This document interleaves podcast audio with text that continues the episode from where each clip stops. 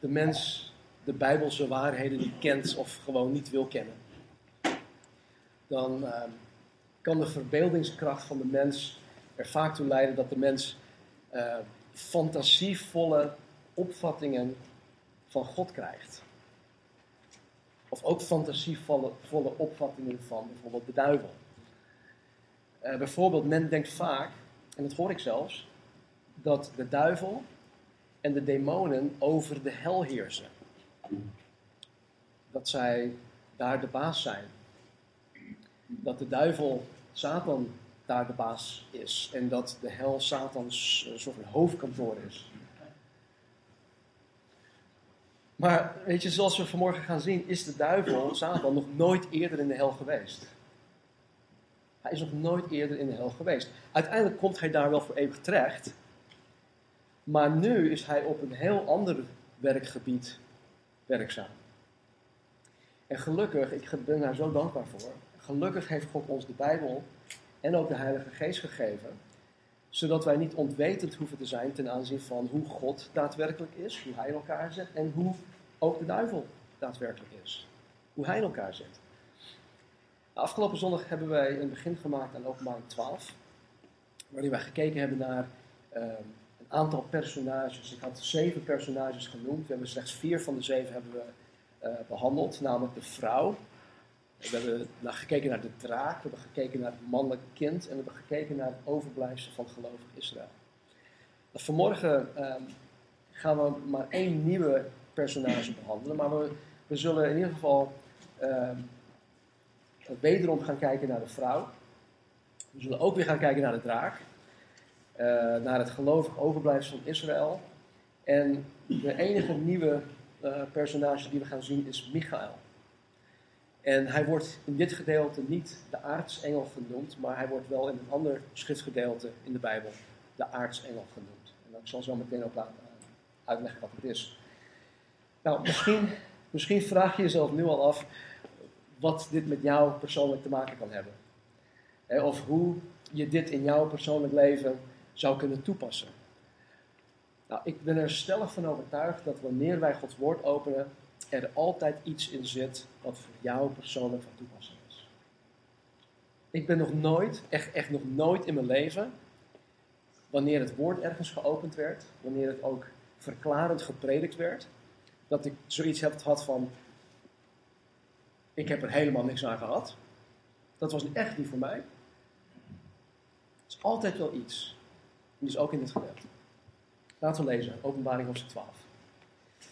Uh, vorige week hebben wij de eerste zes versen gepakt en nu maken wij uh, het af. Maar ik, ik, lees gewoon vanaf het begin. Er verscheen een groot teken in de hemel. Een vrouw bekleed met de zon en de maan was onder haar voeten op haar hoofd en op haar hoofd een kroon van twaalf sterren. En ze was zwanger en schreeuwde het uit in barensnood en in haar pijn om te baren. En er verscheen een ander teken in de hemel. Een grote vuurrode, dra vuurrode draak met zeven koppen en tien horens. En op zijn koppen zeven diademen.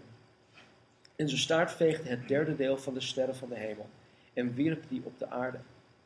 En de draak stond voor de vrouw die op het punt stond te baren om haar kind te verslinden, zodra het gebaard zou hebben, zodra zij het gebaard zou hebben.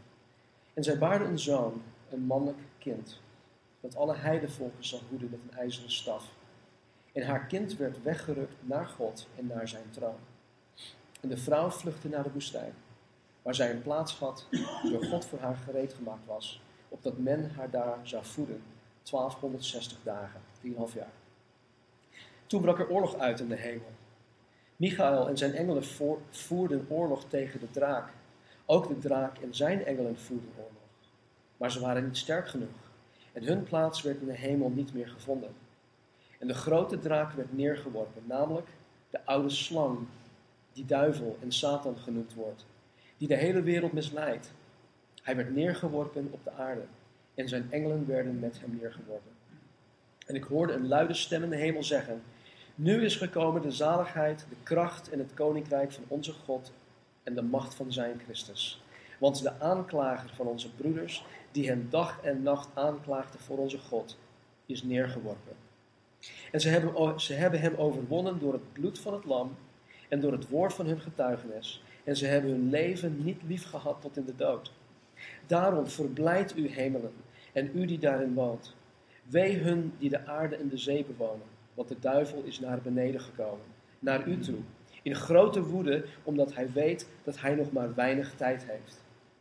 En zodra de draak zag dat hij op de aarde was neergeworpen, ging hij de vrouw vervolgen die het mannelijke kind gebaard had.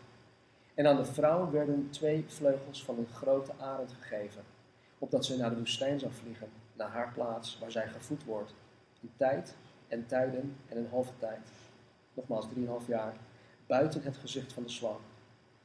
En de slang spuurde, spuurde uit zijn bek water als een rivier, de vrouw achterna, om haar door de rivier te laten meesleuren.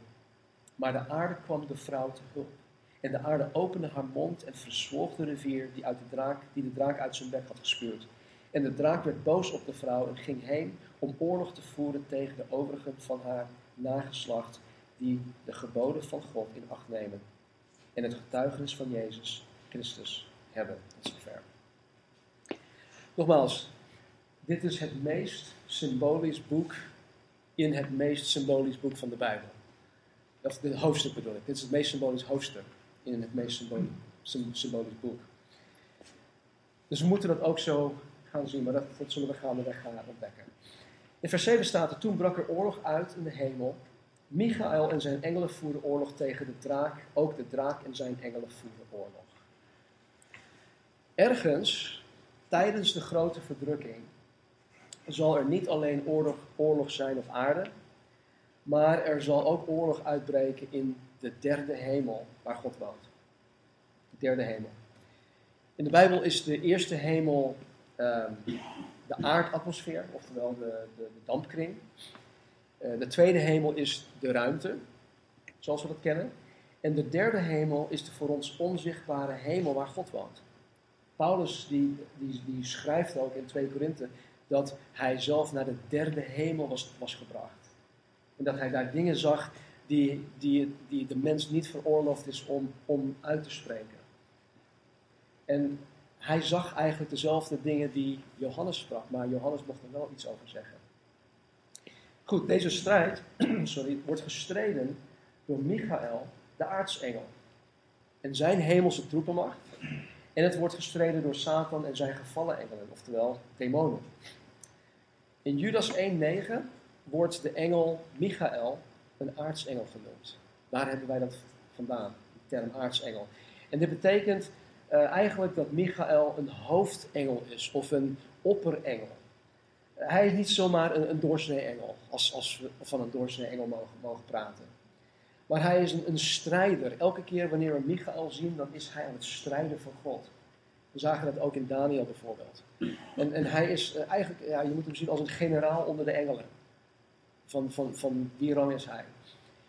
In 1 Thessalonicense 4:16 uh, staat dat wanneer Jezus komt om zijn gemeente op te nemen, de stem van de aartsengel de opname zal aankondigen. Dus hij is dus betrokken bij de opname van de gemeente. Hij is betrokken bij de opname van de kerk. En ik denk, ik heb zo'n sterk vermoeden, dat wij zijn stem ook zullen horen wanneer hij dat aan gaat kondigen. In Daniel 10:13 zien we dat Michael omwille van de profeet zelf, uh, Daniel, dat hij in een strijd verwikkeld raakte met een andere boze engel. Daniel die was aan het bidden tot God. En God had uh, Gabriel naar hem toegestuurd. Maar er zat drie weken tussen voordat hij uiteindelijk bij Daniel kwam om die boodschap te, te brengen. En, die, Gabriel zei, ja, ik was al lang onderweg, maar ik, ik, werd, ik werd tegengehouden door ja, de, de, degene die over, over Perzië uh, regeert. Maar goed, Michael die kwam mij te hulp en daarom ben ik hier nu. Dus daar zagen we dus ook, daar zien we ook dat, dat Michael dus echt een, een, een, een, een ja, een, strijder is. Hij bekleedt dus een zeer hoge functie en ja, een hele belangrijke functie in het Engelrijk, vers 8 en 9. Maar zij waren niet sterk genoeg en een plaats werd in de hemel niet meer gevonden. En de draak werd neergeworpen, namelijk de oude slang, die duivel en Satan genoemd wordt, die de hele wereld misleidt. Hij werd neergeworpen op de aarde en zijn engelen werden met hem neergeworpen. Ik denk dat we dat vorige week hebben behandeld, misschien uh, een keer daarvoor. Maar Satan heeft een derde deel van het engelenrijk overgehaald om in opstand te komen. Een derde deel van, van het engelenrijk. En ja, op, hij heeft het op een of andere manier, heeft hij deze engelen kunnen overtuigen om, om hun aan zijn kant te krijgen. Dit betekent dus, heel praktisch, dat God nog twee derde van de engelen aan zijn kant heeft staan. Satan en de demonen vormen dus een minderheid. Waardoor we hier in dit gedeelte zien dat zij niet opgewassen zijn tegen Michael en de engelenmacht van God. Ze zijn, uh, hoe zeg je dat, outnumbered. Uh, twee tegen één. Nou, het gevolg van deze oorlog uh, voor Satan en de demonen is dat zij voor eeuwig, luister, voor eeuwig uit de hemel, uit Gods aanwezigheid verbannen zijn. Hun plaats werd in de hemel niet meer gevonden. Dit wat we nu lezen is het moment dat Satan dus geen toegang meer krijgt tot God, tot de hemel. De grote draak dat hier genoemd wordt, dat zeggen we Satan, wordt tijdens de grote verdrukking samen met zijn gevallen engelen neergeworpen op aarde. We hebben afgelopen week gekeken naar uh, Jesaja 14 en Ezekiel 28, waarin wij de wezenlijke val van Satan hebben gezien. Dus niet dat hij neergeworpen werd naar de aarde toe, maar dat hij viel in de zin van: ik ben een goede engel, hij is gevallen en nu is hij ineens dus een slechte engel geworden. En wat hier in vers 9 gebeurt, is dus niet hetzelfde wat we vorige week hebben behandeld.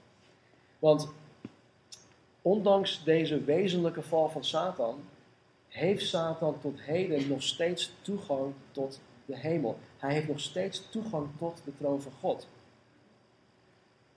Wat wij hier in vers 9 zien, is dat Satan en zijn demonen dus voorgoed uit de hemel gedreven worden. Uitgedreven worden. En dat is natuurlijk hartstikke fijn voor degenen die in de hemel zijn. Wij zullen daar als opgenomen kerk zijn. Het lijkt mij niet fijn om, om daar te zijn terwijl Satan nog steeds toegang heeft. En we weten dus niet precies wanneer dit gebeurt. Um, er zijn wel wat gedachten over um, het feit dat de opname van de gemeente dit, deze gebeurtenis triggert. Er zijn wat, wat, wat aanwijzingen in de schriften. Goed, uh, ik heb me daar nog niet helemaal in verdiept, dus dat kan ik ook nog hard maken. Maar weet je, als, als, uh, het is fijn voor degenen die in de hemel zijn, maar um, voor de bewoonde wereld is, is dit het ergste dat de wereld ooit zou kunnen overkomen. Dat Satan en de demonen fysiek hier op aarde gewoon hun gang zullen gaan. Het is een beetje te vergelijken met, met hoe het zou zijn als alle gevangenen in de hele wereld, alle gevangenen in de wereld, de zwaarste criminelen, de terroristen van, van, de, van deze aarde, dat zij ineens uit alle gevangenissen vrijgelaten worden en vrije toegang krijgen tot onze woonwijken. Zo moet je dat een beetje zien.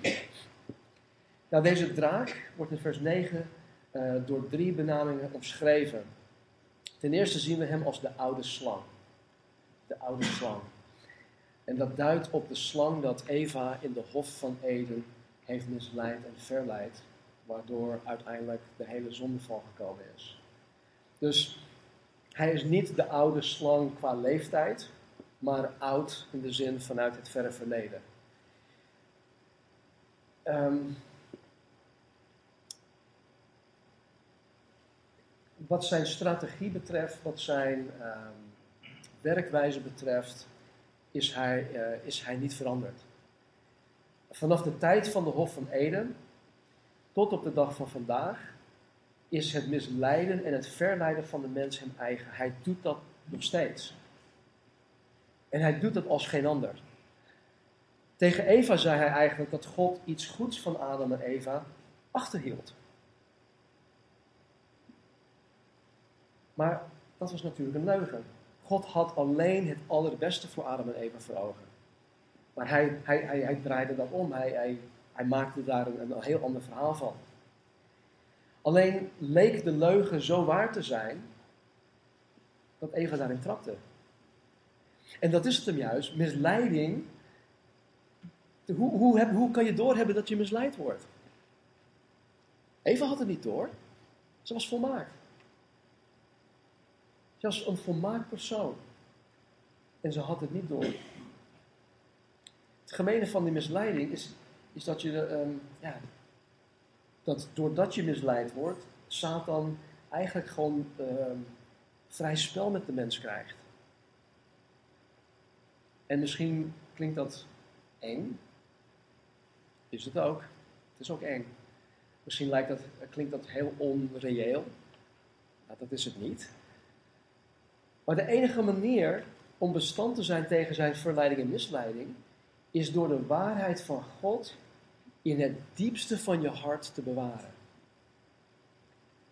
Dat is het enige. We zagen toen Jezus voor 40 dagen lang verleid werd door de Satan.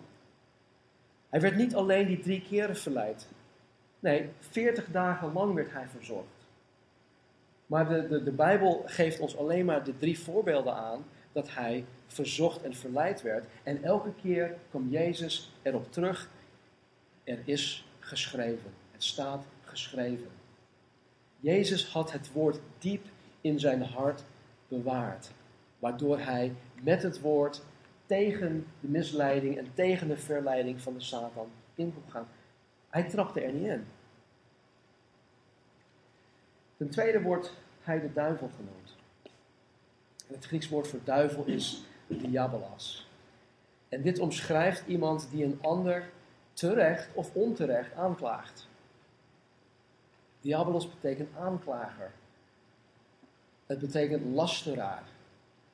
Het betekent dat je iemand in discrediet brengt. Het maakt iemand verdacht.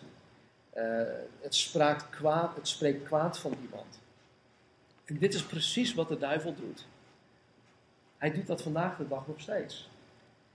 Satan bracht God bij Eva in discrediet. Satan sprak kwaad van God, want hij noemde God als het ware gewoon een leugenaar. Heeft God dat nou daadwerkelijk gezegd? Hey, meende hij dat nou echt? Nee joh, als je van de vrucht van die boom eet, zal je zeker niet sterven. Maar je zal worden als God. Je zal kunnen onderscheiden tussen goed en kwaad. Je zal als God zijn. En dat wil hij je onthouden. Eet nou maar. Ja, en het was gewoon heel aantrekkelijk. Het staat er ook. Ze zag dat het goed voor eten was. Oh, dat zag er zo lekker uit. Haar ogen die werden helemaal uh, gestreeld door de, de, de pracht van deze vrucht. En ze kon de verleiding niet weerstaan, omdat ze misleid werd. Weet je, en dit is zo'n ja, ik heb er geen goede woorden voor. Het is zo'n vieze, vuile, valse manier van handelen. Want als je iemand eenmaal in discrediet hebt gebracht, als je iemand eenmaal verdacht hebt gemaakt, is dat niet terug te draaien. Het is niet terug te draaien. Bovendien doet het ontzettend veel pijn wanneer iemand dit jou aandoet. En de enige manier om bestand te zijn tegen deze vorm van kapotmaken is door je ogen en je hart gefixeerd te hebben op Jezus Christus, de leidsman en voleinder van ons geloof. Dat is de enige remedie. En vervolgens door onberispelijk te blijven wandelen met de Heer. Paulus die had het heel goed door. Hij zegt in Romeinen 12, 19: Neem geen wraak, vrienden maar laat God rechter zijn. Want er staat geschreven: Ik ben het die wraak neemt. Ik zal het hun vergelden, zegt de Heer. Laat niet het kwade u overwinnen, maar overwin het kwade door het goede. Met andere woorden, laat het gewoon aan God over. Ja, het doet nu pijn. Ja, je wil jezelf vergelden. Ja, je wil jezelf verdedigen. Laat het aan God over. Hij zal het goed maken. De tijd zal het leren. Ten derde wordt de, wordt de, Satan, uh, wordt de, de draak hier uh, Satan genoemd. En Satan betekent simpelweg tegenstander. Tegenstander. En ten eerste is hij Gods tegenstander. Satan is Gods tegenstander, maar hij is tevens de grootste tegenstander van de mens. Als jij vandaag mens bent, dat zijn we allemaal, is God, is Satan jouw grootste tegenstander. Het is niet ehm, je baas op je werk. Het is niet ehm, die politicus of wie dan ook. Het is, we, vechten niet, en zoals we meteen ook zien, we vechten niet tegen vlees en bloed. Satan is onze grootste tegenstander. Petrus had het ook heel goed door. Hij zegt in 1 Petrus 5:8: Wees nuchter en waakzaam. Uw tegenstander, de duivel, loopt rond als een brullende leeuw op zoek naar iemand die hij kan verslinden. Tegenstander. Hij is op zoek naar iemand die hij kan verslinden. Als navolger van Jezus kan Satan mij met het oog op de eeuwigheid helemaal niets maken. Hij kan me niets maken. Wel kan hij mijn leven hier op aarde behoorlijk verstoren. En dat doet hij graag. En vandaar dat de Bijbel ons erop attendeert om nuchter en waakzaam te zijn voor onze tegenstander. Als je al een aantal jaren meedraait in het Koninkrijk van God, dan, dan weet je, of ik hoop dat je dat weet, dat je, dat je op een gegeven moment leert te herkennen hoe Satan te werk gaat. Wat zijn modus operandi is, hè? hoe hij uh, jou op jouw zwakheden uh, aanvalt. En het mooie ervan is, is dat God ons ook onderscheidingsvermogen geeft. Hij, hij helpt ons om te zien hoe de Satan te werk gaat. En als, als wij het eenmaal herkennen, dan is, is de helft van uh, de strijd al gewonnen. Want dan zie je hem aankomen. Dat bedoelt Paulus of Petrus ook met wees, wees nuchter en waakzaam. Ook worden we opgeroepen om de strijd tegen Satan en zijn demonen niet in eigen kracht te voeren. Wij kunnen niks tegen hem. We kunnen niet tegen hem op, echt niet. We kunnen echt niet tegen hem op. Maar de Bijbel leert ons dat wij juist met de wapenrusting van God die strijd aan kunnen gaan. En in Efeze 6, vers 11 tot 13 staat dit. Bekleed u met de hele wapenrusting van God, opdat u stand kunt houden tegen de listige verleidingen van de duivel. Want we hebben strijd niet tegen vlees en bloed, maar tegen de overheden, tegen de machten, tegen de wereldbeheersers van de duisternis, van dit tijdperk. Tegen de geestelijke machten van het kwaad in de hemelse gewesten. Hier legt Paulus uit dat er verschillende rangen zijn onder in het engelenrijk. En daar hebben wij mee te maken. We vechten niet tegen vlees en bloed. Neem daarom, neem daarom de hele wapenrusting van God aan, opdat u weerstand kunt bieden op de dag van het kwaad. En na alles gedaan te hebben, stand kunt houden. Nou, hoe wij dit in de praktijk doen, dat is een hele andere studie. Mocht je daar vragen over hebben, dan zou ik heel graag met jou in gesprek gaan. Maar dit is een studie op zich, dus daar ga ik vandaag niet uh, verder op in. Vers 10. En ik hoorde een luide stem in de hemel zeggen: Nu is gekomen de zaligheid, de kracht en het koninkrijk van onze God en de macht van zijn Christus. Want de aanklager van onze broeders, die hen dag en nacht aanklaagde voor onze God, is neergeworpen. De hemel is hartstikke blij. De hemel is hartstikke blij nu dat Satan en zijn demonen uit de hemel voorgoed verbannen zijn. Want dit betekent onder andere dat we weer een stap dichterbij gekomen zijn aan het oprichten van het duizendjarig vrederijk. We zijn weer een stap dichterbij gekomen aan uh, de ondergang van Satan. We zijn weer een stap, stap dichterbij gekomen aan de toekomst. Wat zelfs hè, na, de, na het duizendjarige rijk elke keer komen wij weer een stapje dichterbij. En daarom is de hemel hartstikke blij. Het betekent dat het einde van Satan en zijn demonen in zicht is. Want vanaf dit moment, openbaring 12, 8 en 9, vanaf dit moment heeft Satan slechts 3,5 jaar nog de tijd. Nog 3,5 jaar de tijd. Hij heeft 3,5 jaar de tijd voordat Jezus Christus naar de aarde terugkomt om zijn heerschappij hier over de aarde te gaan voeren. Hij weet het. Hij heeft nog maar weinig tijd. En wij zien hier in dit gedeelte, in het vers, vers 10, waarmee Satan zich tot op heden voortdurend bezighoudt. Hij wordt hier de aanklager van onze broeders genoemd, die hem dag en nacht aanklaagt voor onze God.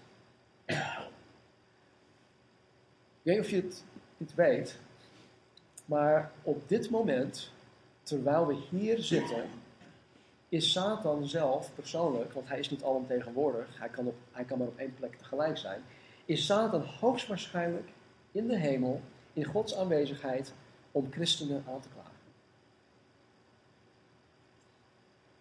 En weet je, hij is de allerbeste aanklager. Hij is de allerbeste eiser die er is. Niemand kan tegen hem op. Als Jezus Christus niet voor onze zonde en onze schuld gekruisigd was, dan zou Satan tegen een ieder van ons een waterdichte zaak kunnen aanspannen. En hij zou dat elke dag opnieuw kunnen doen. Zo goed is hij. En weet je, hij blijft proberen. Hij blijft het proberen. Hij weet echt van volharding.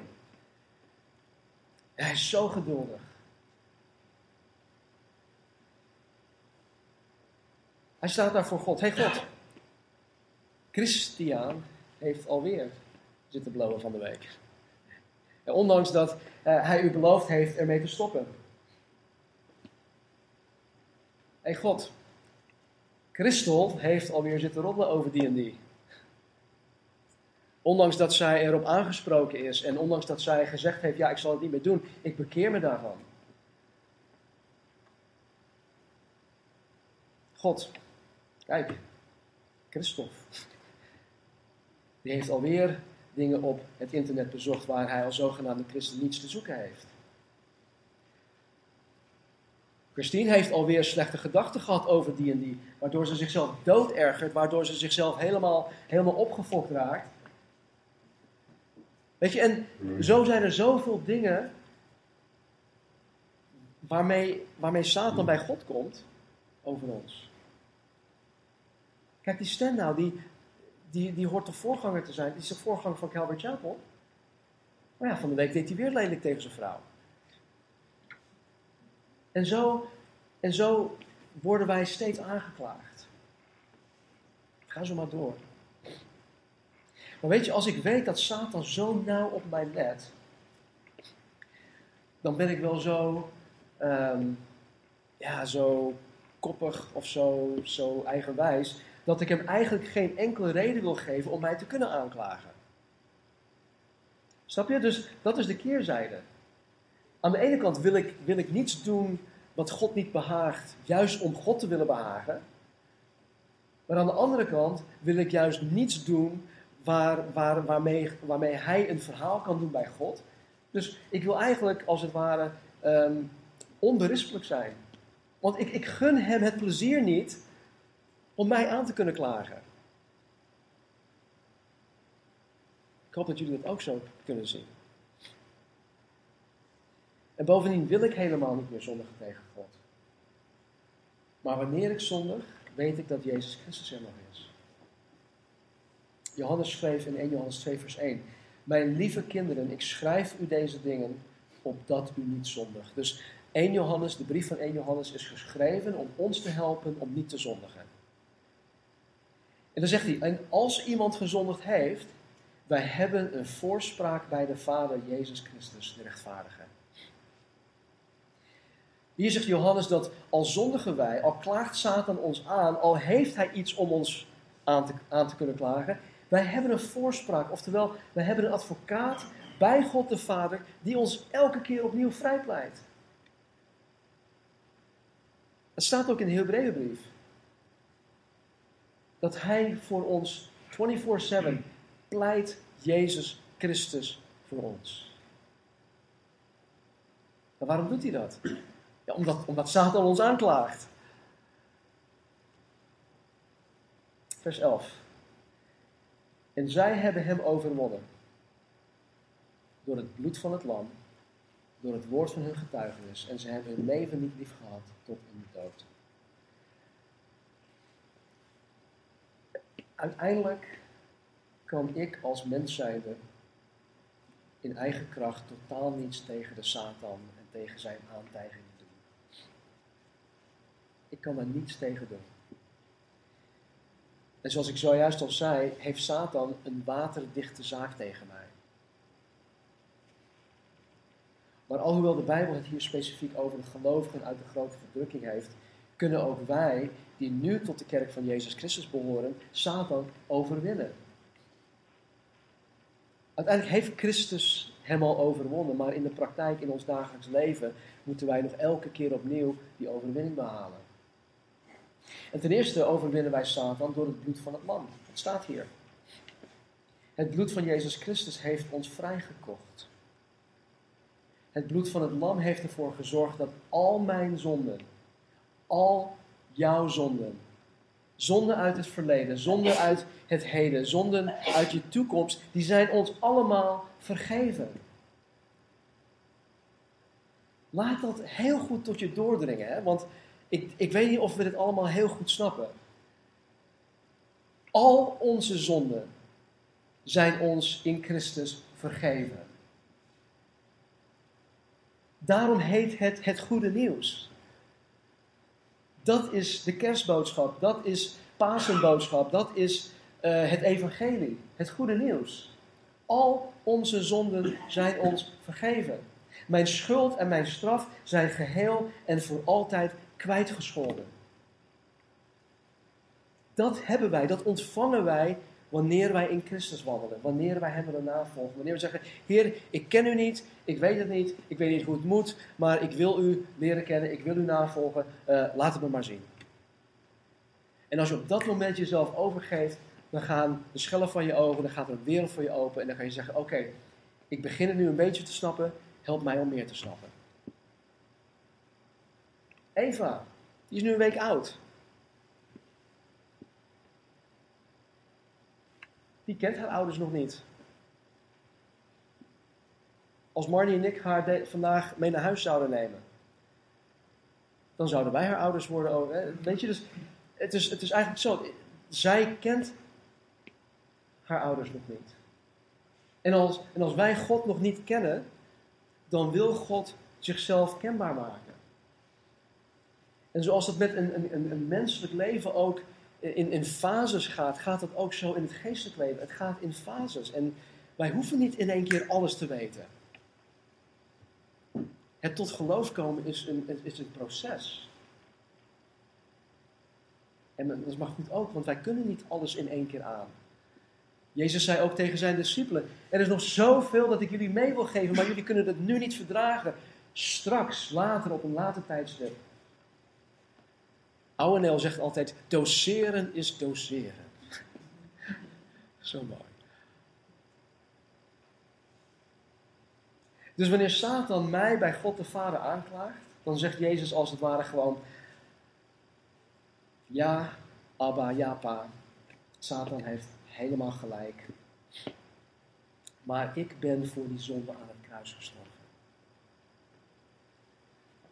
Mijn bloed heeft voor Stens zonden gevloeid. Mijn bloed heeft Sten witter dan de sneeuw gemaakt. Door mijn bloed is Sten Marinse voor 100% gerechtvaardigd. Alsof hij nooit in zijn hele leven heeft gezondigd.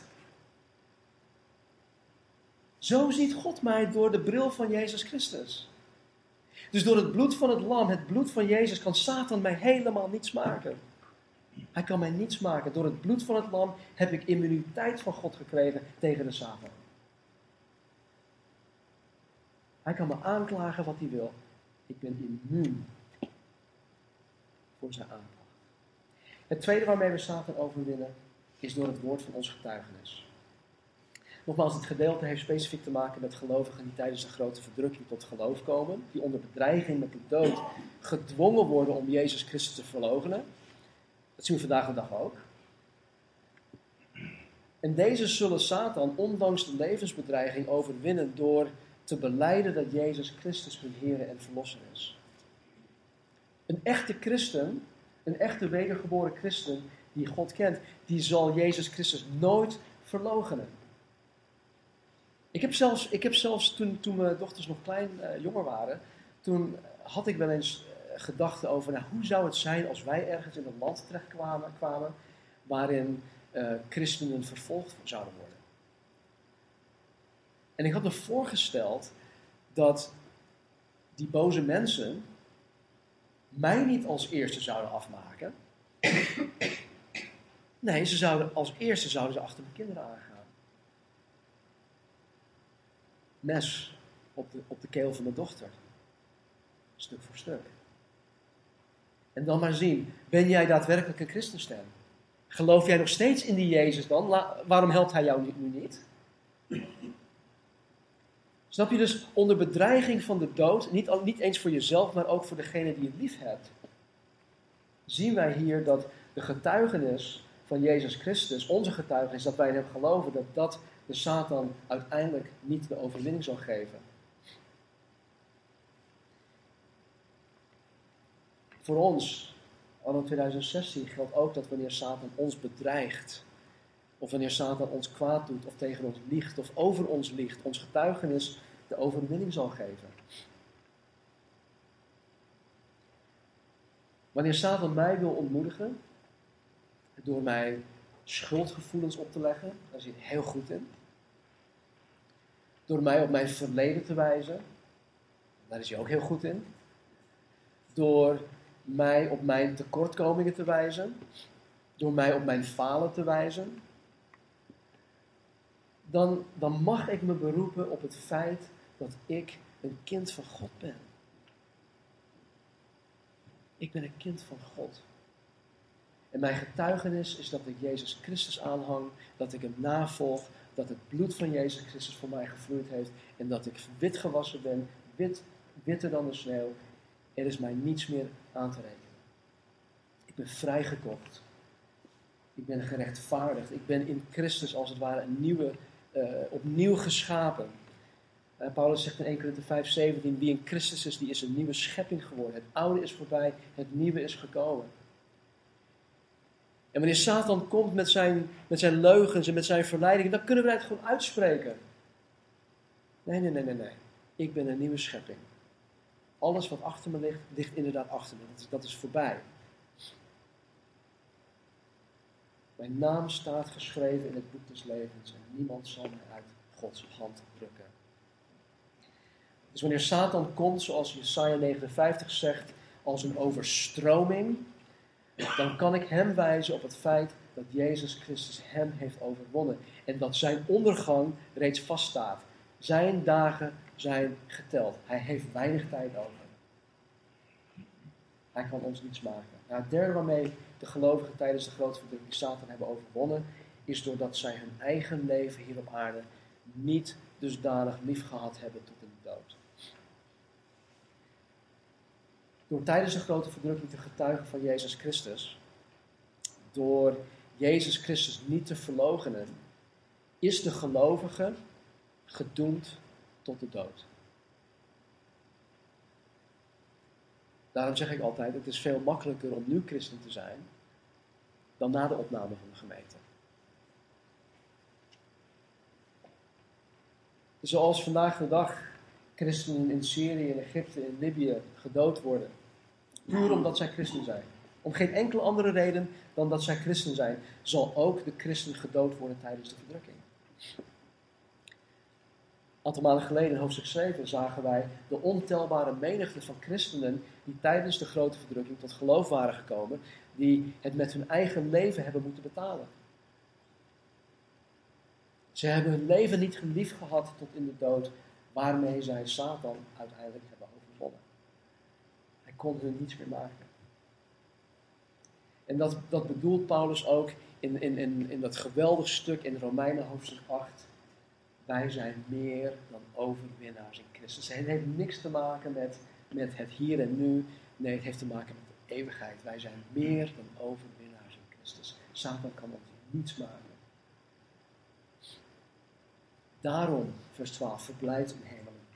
En u die daarin woont, wee hun die de aarde en de zee bewonen, want de duivel is naar beneden gekomen, naar u toe, in grote woede, omdat hij weet dat hij nog maar weinig tijd heeft. De hemel juicht, maar wee hun die op de aarde Kijk, doordat Satan en de demonen geen toegang tot de hemel uh, meer hebben, werd hun werkgebied beperkt tot de aarde. En doordat Satan en de, en de demonen uit de hemel voorgoed verbannen werden, weet Satan dat hij nog maar weinig tijd heeft voordat hij eerst voor duizend jaar lang opgesloten wordt en vervolgens uiteindelijk in het poel des vuurs gestraft zal worden voor eeuwig. En vanaf dit moment, wat ik zo even al zei, heeft hij nog maar 3,5 jaar de tijd om te doen wat hij onder, Gods toezicht doen mag. 3,5 jaar de tijd. Dus je kunt je voorstellen dat hij meer dan ooit vastberaden is om de kroon van Gods schepping, de mens, op de meest gruwelijke wijze te gaan teisteren, te gaan kwellen, te gaan vermoorden, te pijnigen. Vers 13. En zodra de draak zag dat hij op de aarde was neergeworpen, ging hij de vrouw vervolgen die het mannelijke kind gebaard had. Satan gaat meteen. Hij gaat meteen achter Israël aan. Hij gaat meteen achter Israël aan. Hij is er niet in geslaagd om Israël door de millennia heen uit te roeien. Het is hem niet gelukt, daar hebben we vorige week ook naar gekeken. Hij is er niet in geslaagd om de Messias Jezus Christus uit te roeien. Dat hebben we ook gezien in, in Matthäus hoofdstuk 2, denk ik. Maar hij geeft het gewoon niet op. Hij is zo, uh, hij is zo in een waan dat hij nog steeds denkt dat hij uiteindelijk zal zegenvieren. En Satan zal Gods volk Israël blijven teisteren. Hij zal Israël blijven kwellen, blijven vervolgen, totdat hij opgesloten wordt. Heb je ooit, heb je ooit zo'n uh, iets gezien, uh, het zij op tv of uh, op journaal of zo, dat iemand aangehouden wordt en dan wordt hij dus berecht en dan krijgt hij zijn vonnis en dan wordt hij opgesloten voor, leven, voor zijn hele leven en dan wordt hij daar geboeid en terwijl hij dan uit de, recht, rechts, de rechtbank uitloopt, dat hij dan schreeuwt, ja, ik maak jullie af, bla Nou, ik, ik zie dat ook voor me, dat terwijl hij opgesloten wordt, dat hij nog steeds allerlei onzin uit gaat kramen uh, naar God toe en naar ons toe, naar Israël toe. En aan de vrouw, vers 14, werden twee vleugels van een grote arend gegeven, opdat zij naar de woestijn zou vliegen, naar haar plaats waar zij gevoed wordt, een tijd en tijden en een halve tijd, buiten het gezicht van de slang.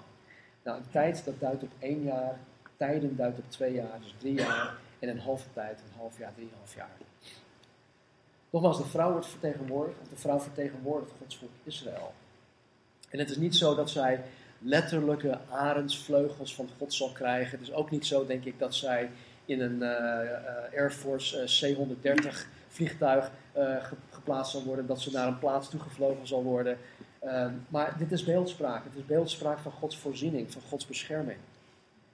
God zal gelovig Israël, dat wil zeggen op dat moment de Joden die in Christus geloven, voor een periode van 3,5 jaar, oftewel de tweede helft van de grote verdrukking, naar een plek toe leiden en haar daar beschermen tegen de Satan. En de slang, vers 15, spuwde uit zijn bek water als een rivier de vrouw achterna om haar door de rivier te laten meesleuren. Ik denk dat dit ook symbolisch is, uh, beeldspraak. Hiermee kan bedoeld worden dat omdat Satan niet persoonlijk bij Israël kan komen, hij, hij, hij, hij, hij weet niet waar ze zijn, maar hij kan er ook niet bij. Hij een troepenmacht met, uh, misschien met moderne wapens zal gebruiken om Israël uit haar schouwplaats te dwingen. Maar ook dit zal niet lukken. Weet je, een hele mooie belofte die wij ook hebben, of een, statement die Johannes maakt in 1 Johannes 4. Hij, zegt, hij zegt dat Hij die in ons is, Hij die in ons is als gelovige, dat is Jezus Christus, dat is de Heilige Geest. Hij die in ons is, is groter, oftewel sterker dan Hij die in de wereld is. Met andere woorden, Jezus die in ons is, is sterker dan Satan die in de wereld is. Wij hoeven niet bang te zijn. Kijk maar. Vers 16. Maar de aarde kwam de vrouw te hulp. En de aarde opende haar mond en verzwolg de rivier die de draak uit zijn bek had gespuurd. Dan mocht de rivier die de draak uit zijn bek had gespuurd inderdaad een grote troepenmacht zijn. Dan lijkt het wel heel erg op hoe God in Exodus 14 het Egyptisch leger uh, verzwolg in de Schalfzee. In nummer 16 zien wij ook iets dergelijks. Hiermee slaat ik af. In nummer 16 zien wij dat een zekere Korach, lees het maar een keer, nummer 16. Korach en zo'n 250 mannen in opstand kwamen tegen Mozes. Korach vond dat Mozes zichzelf veel te belangrijk vond. En hij wilde dat Mozes meer van zijn beslissingsbevoegdheid aan het volk zou moeten geven. De Heer sprak tot Mozes over deze situatie. En God kwam met een waterdicht plan. En het plan zou moeten bewijzen dat God Mozes inderdaad als voorganger had aangesteld over Israël. En dat Mozes als voorganger degene was die het volk Israël zou moeten leiden. Het was geen democratie. En goed, nadat Mozes dus eerst met, met, met Korach in gesprek ging over deze toestanden, vervolgens ging, God, ging Mozes met God in gesprek.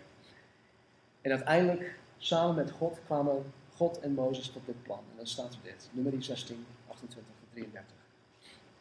Toen zei Mozes tegen het volk, nu zullen jullie zien dat ik, dat ik deze taak niet zelf gezocht heb, maar dat de Heer hem mij heeft opgelegd. Als deze mannen, dus Korach en die 250 mannen, het lot ondergaan dat alle mensen moeten ondergaan en een natuurlijke dood sterven, dan heeft de Heer mij niet gestuurd. Met andere woorden, als zij gewoon uh, door het leven gaan en uiteindelijk zullen sterven, zoals iedereen sterft, dan heeft God Mozes niet aangesteld. Maar als de Heer iets ongehoords doet, dan weten jullie dat deze mensen, dus Korach en de 250 mannen, dan weten jullie dat zij de Heere geminacht hebben. In dat geval zal de aarde splijten en hen opslokken met al hun bezittingen, zodat ze levend naar het dodenrijk zullen gaan. Nauwelijks was hij uitgesproken of de aarde spleet open onder hun voeten en schokte hen op met hun families en ook alle aanhangers van Korach met hun bezittingen. Levend stortten zij in het dodenrijk. De aarde sloot zich weer boven hen en ze waren verdwenen. Nou, omdat God in het verleden op deze wijze wel eens zijn vijanden heeft uitgeschakeld, zou het niet vreemd zijn als God dit hier in Openbaring 12, 16 ook op deze manier zou doen. Ik weet niet zeker, wij zullen er zelf niet bij zijn, gelukkig, maar het kan. Vers 17, en de draak werd boos op de vrouw en ging heen om oorlog te voeren tegen de overigen van haar nageslacht, die de geboden van God in acht en het getuigenis van Jezus Christus hebben. Nog zoiets, hè? Ik weet niet of je ooit bij hebt stilgestaan, maar door de belofte van God aan Abraham in Genesis 12 en door mijn geloof in Jezus Christus ben ik het geestelijk nageslacht van Abraham. Waardoor ik tegelijk ook het geestelijk nageslacht van de vrouw Israël ben.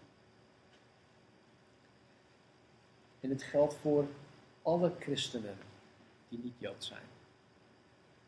In de Romeinenbrief staat ook dat wij geënt zijn in de boom, in de, in de boom Israël. Mensen, dit is een voorrecht. Dit is niet iets waar wij op mogen roemen. Dit is echt een voorrecht dat God ons heeft geënt in die boom. Dat door de belofte die God aan Abraham gaf in Genesis 12, dat wij hierin mee mogen doen. Wij mogen meedoen hierin. En hier zien wij dus dat Satan niet alleen achter gelovig Israël heen gaat, maar ook de gelovige niet-Joden, die de geboden van God in acht nemen en het getuigenis van Jezus Christus hebben. God heeft een plan. En dit plan is niet aan ehm, wijzigingen onderhevig. Het is niet zo dat God een plan heeft en dan krijg je addendum 1 en addendum 2 en addendum 3 en dan wordt een contract opengebroken en dan wordt dit. Nee, het staat vast. Het staat geschreven. En door dit plan zal het goede uiteindelijk het kwade overwinnen. En de vraag is aan welke kant sta je? Als je vanmorgen niet in Jezus Christus gelooft, maar als je denkt dat je misschien door Satan misleid wordt, dat kan. Vraag gewoon aan God om jou de waarheid te laten zien. Vraag het gewoon. Weet je, soms wanneer ik zeg dat de hele wereld misleid wordt door Satan, of dat de hele wereld onder de, ban is van Satan, dan krijgen sommige mensen het beeld van: ja, maar hallo, ik ben toch niet duivels, ik ben toch niet. Nee, dat zeg ik ook helemaal niet. Maar die misleiding is zo subtiel, het is zo gemeen en het is zo vals. Daarom heeft de mens het niet door dat de mens misleid wordt.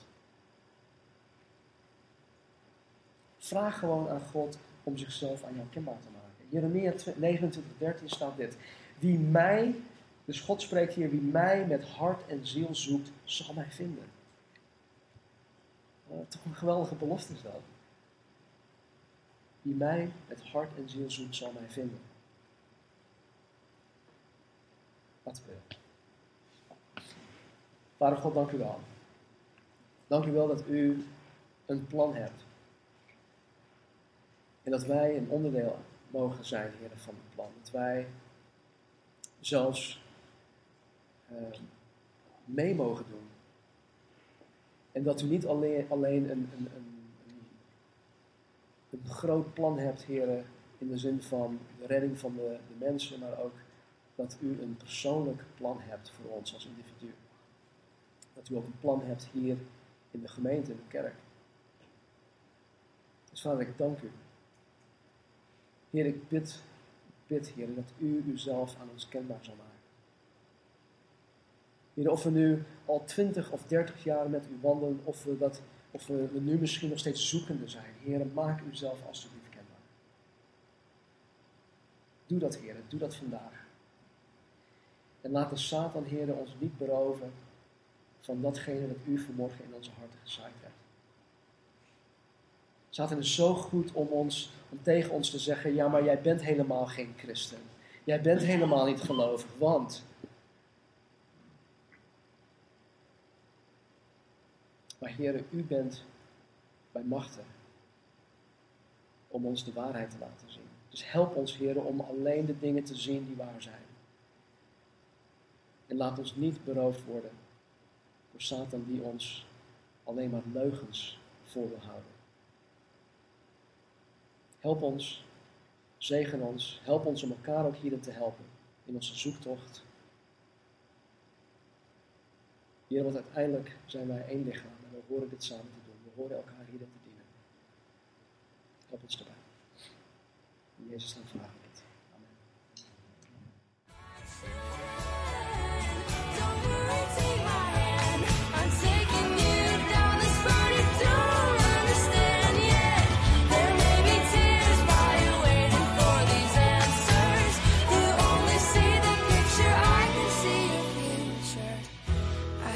tell you right now, it's gonna be alright.